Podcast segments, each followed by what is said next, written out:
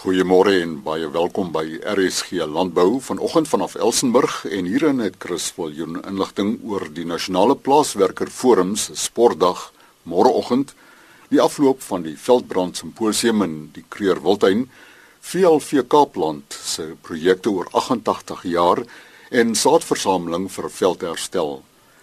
Die Nasionale Plaaswerker Forum hou hulle jaarlikse sportdag môre in die Wellington distrik die woordvoerder van die forum, Rita Andreas. Ons almal praat oor wat aangaan in die wynbedryf en ja, ons is almal bekommerd hier want ons weet daar is oplossings en wat ek daarvoor wil bemoedig vir oggend is dat weer eens sonder landbou kan Suid-Afrika nie voortgaan nie.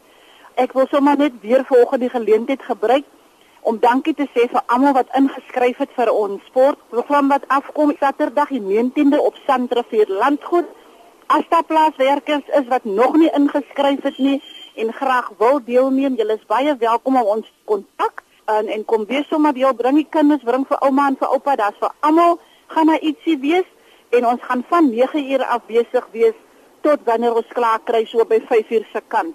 Daar gaan lekker goedjies te koop aangebied word en lekker kos en speletjies sport gaan daar aangebied word. So ek wil sommer almal uitnooi, julle kan ons kontak by 076 0765361066. Dis in Wellington by Satrivier Landgoed, dit op die Mamasbury pad. Rita Andreas is die woordvoerder van die Nasionale Plaaswerkers Forum. Haar nommer 0767901066. Die Veldbrand Simposium wat einde Oktober in die Kreur Wildtuin plaasgevind het, is deur 'n groot kontingent buitelanders bygewoon.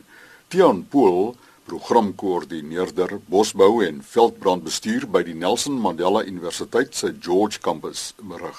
Ons eerste spreker, professor Domingos Vegas wat uh, van Portugal afkom, het vir ons uh, voorbeelde genoem en gevalle studies deurgegaan waar mense hulle lewens verloor het omdat hulle die basiese beginsels van vuurgedrag uh, nie gerespekteer het nie uh, miskien in sommige gevalle nie heeltemal op hoogte gewees het van vuurgedrag nie en waar mense dan hulle lewens verloor het as daar frats brande plaasgevind het.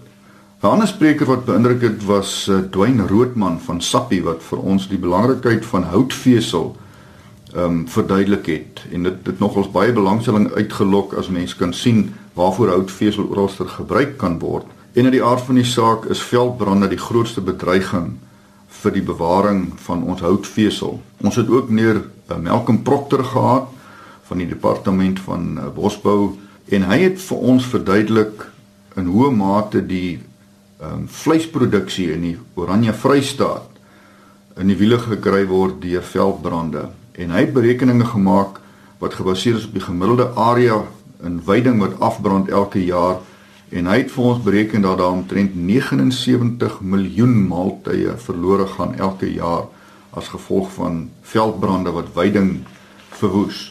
Philip Frost van die WNR se Maraka afdeling wat die ehm um, EIFIS stelsel ontwikkel het en bemark. EIFIS staan vir Advanced Fire Information System het weer eens die gehoor verstom deur die ongelooflike 'n program wat jy op jou selfoon kan aflaai en wat vir jou inligting rondom brandgevaar gee net waar jy in Suid-Afrika is en hierdie vir ons verduidelik hoe hierdie Suid-Afrikaans ontwikkelde program ook in die wêreld opslag maak. Dan professor Winston Trollop het vir ons verduidelik hoe mens vuur kan gebruik om die produktiwiteit van veiding in savannas te verbeter. Dan was daar ook ander aanbiedings van internasionale sprekers Dr. Jonas Franke en Dr. Paul Ferrucci wat vir ons verduidelik het hoe mens deur gebruik te maak van satelliet inligting uh, veldbrande en die effek van veldbrande kan karteer en ook kan voorspellings maak wat rondom risiko van veldbrande draai. Onder die leiding van Nawashni Govender het daar 'n hele span van die navorsers wat met projekte in die kreur wildtuin besig was vir ons 'n relaas gegee van hulle werk.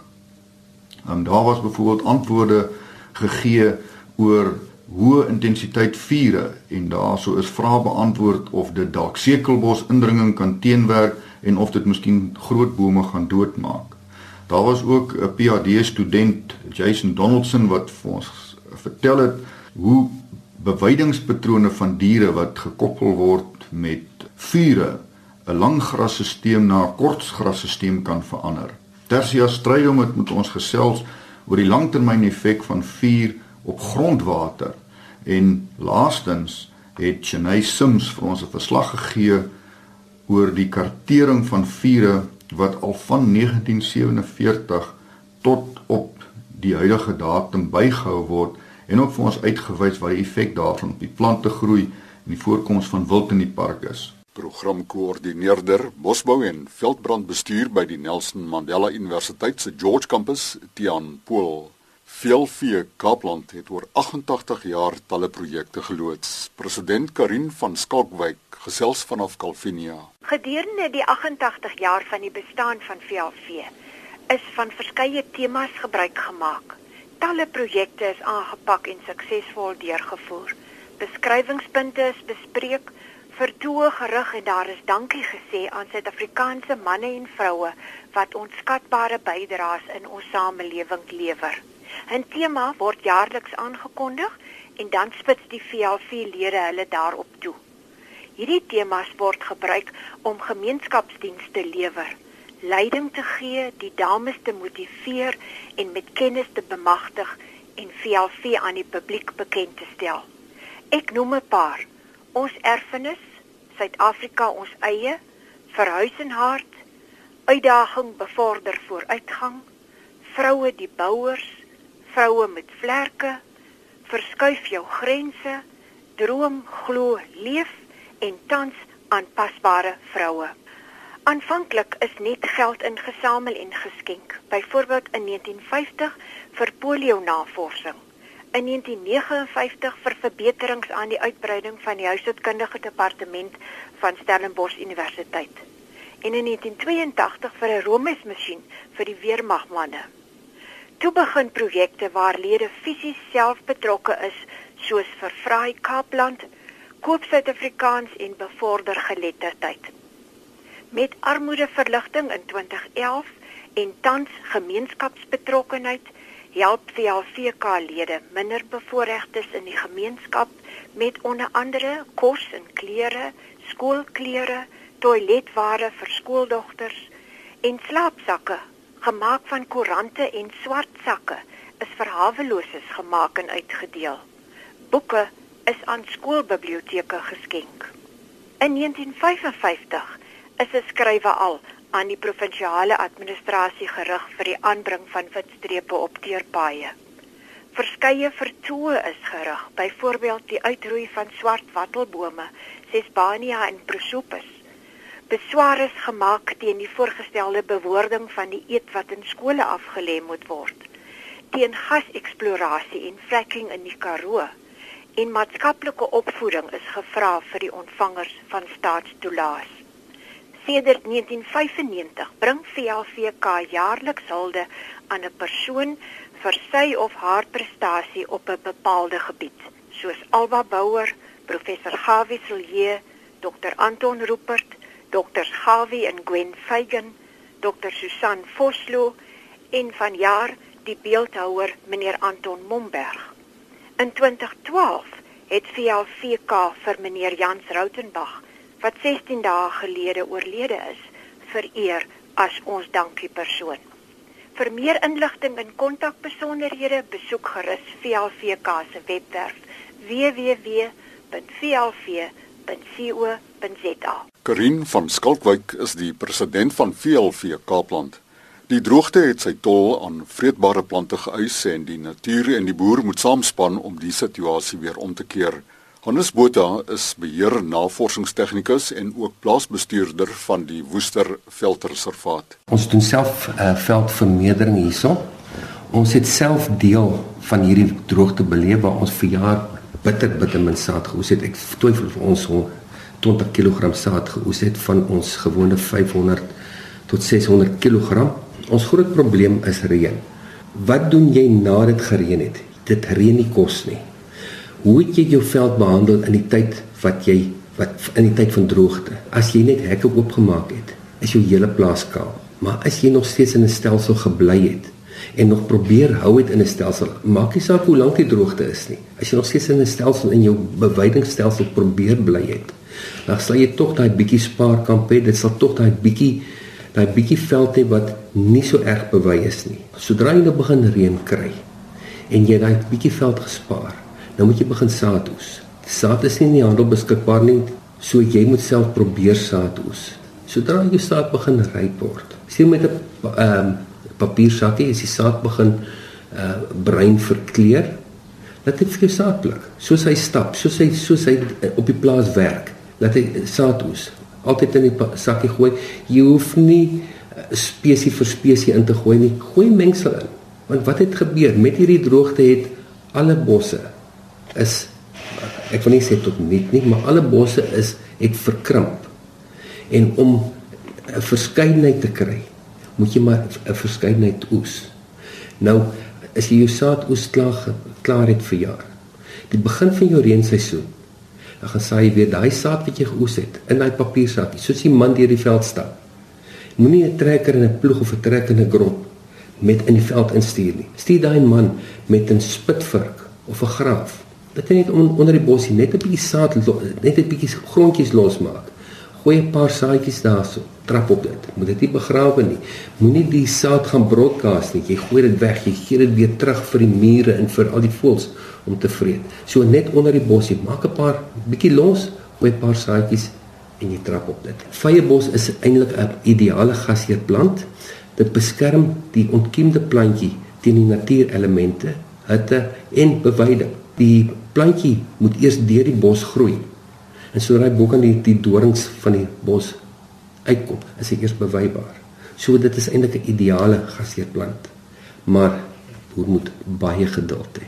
Hy werk met die natuur en ek moet dit nie vir 'n boer sê nie. Hy weet dit jy's afhanklik van so baie elemente waarvan jou reën, jou weer seker die belangrikste is. Kom in 'n kampstelsel, 'n drie kampstelsel, 'n vier kampstelsel as dit moontlik is. Kom daar in en moenie daar uitgaan nie probeer altyd 'n kamp spaar vir 'n groei seisoen, vir 'n saadseisoen. Probeer altyd om 'n reserve op te bou vir ingeval soos hierdie rampdroogte wat ons nou gehad het, sodat daar iets beskikbaar is om saad van te gaan oes om dit in weer in die veld in te saai. Onthou mens kan nie regte draagkrag hê, maar jy kan nog steeds onoordeelkundig bewy wat jy jou veld laat agteruitgaan deur te lank in 'n kamp te wees, te uh, op verkeerde tyd van die jaar aanhoudend op dieselfde kamp te bewy. So daar is baie faktore wat wat uh, 'n uh, rol speel om daai saailingetjie groot te kry. Anders kan 'n mens ooit ophou om saad te oes. Nee, glad. Mens kan werklik waar, jy kan nie ophou saad oes nie, want as jy 'n 30% bedekking het, moet jy streef na 50% bedekking toe. Nou goed, hier by ons om 'n 30% bedekking te kry vir al vreedbare spesies is byna onmoontlik. Maar as jy 30% bedekking het, streef na 50% bedekking. As jy 50% bedekking, streef na 80% bedekking. So jy moet werklik waar jy moet nooit op saai nie. Jy moet nooit op 'n oes en saai nie.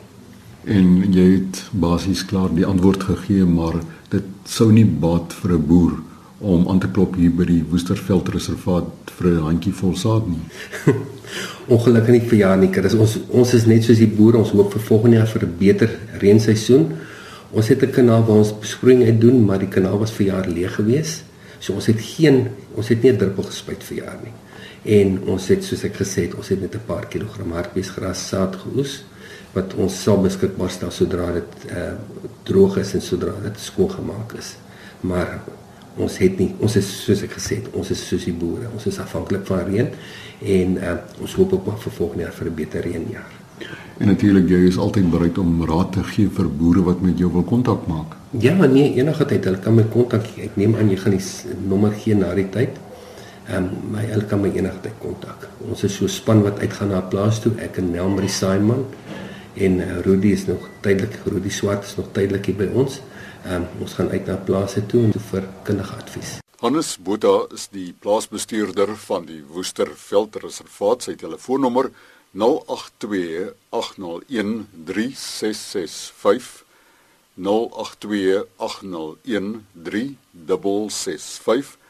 en dan in RSG landbou môreoggend om kwart voor 12 verneem ons van Fruit Look as 'n hulpmiddel vir die boer. Chris Viljoen wat groet.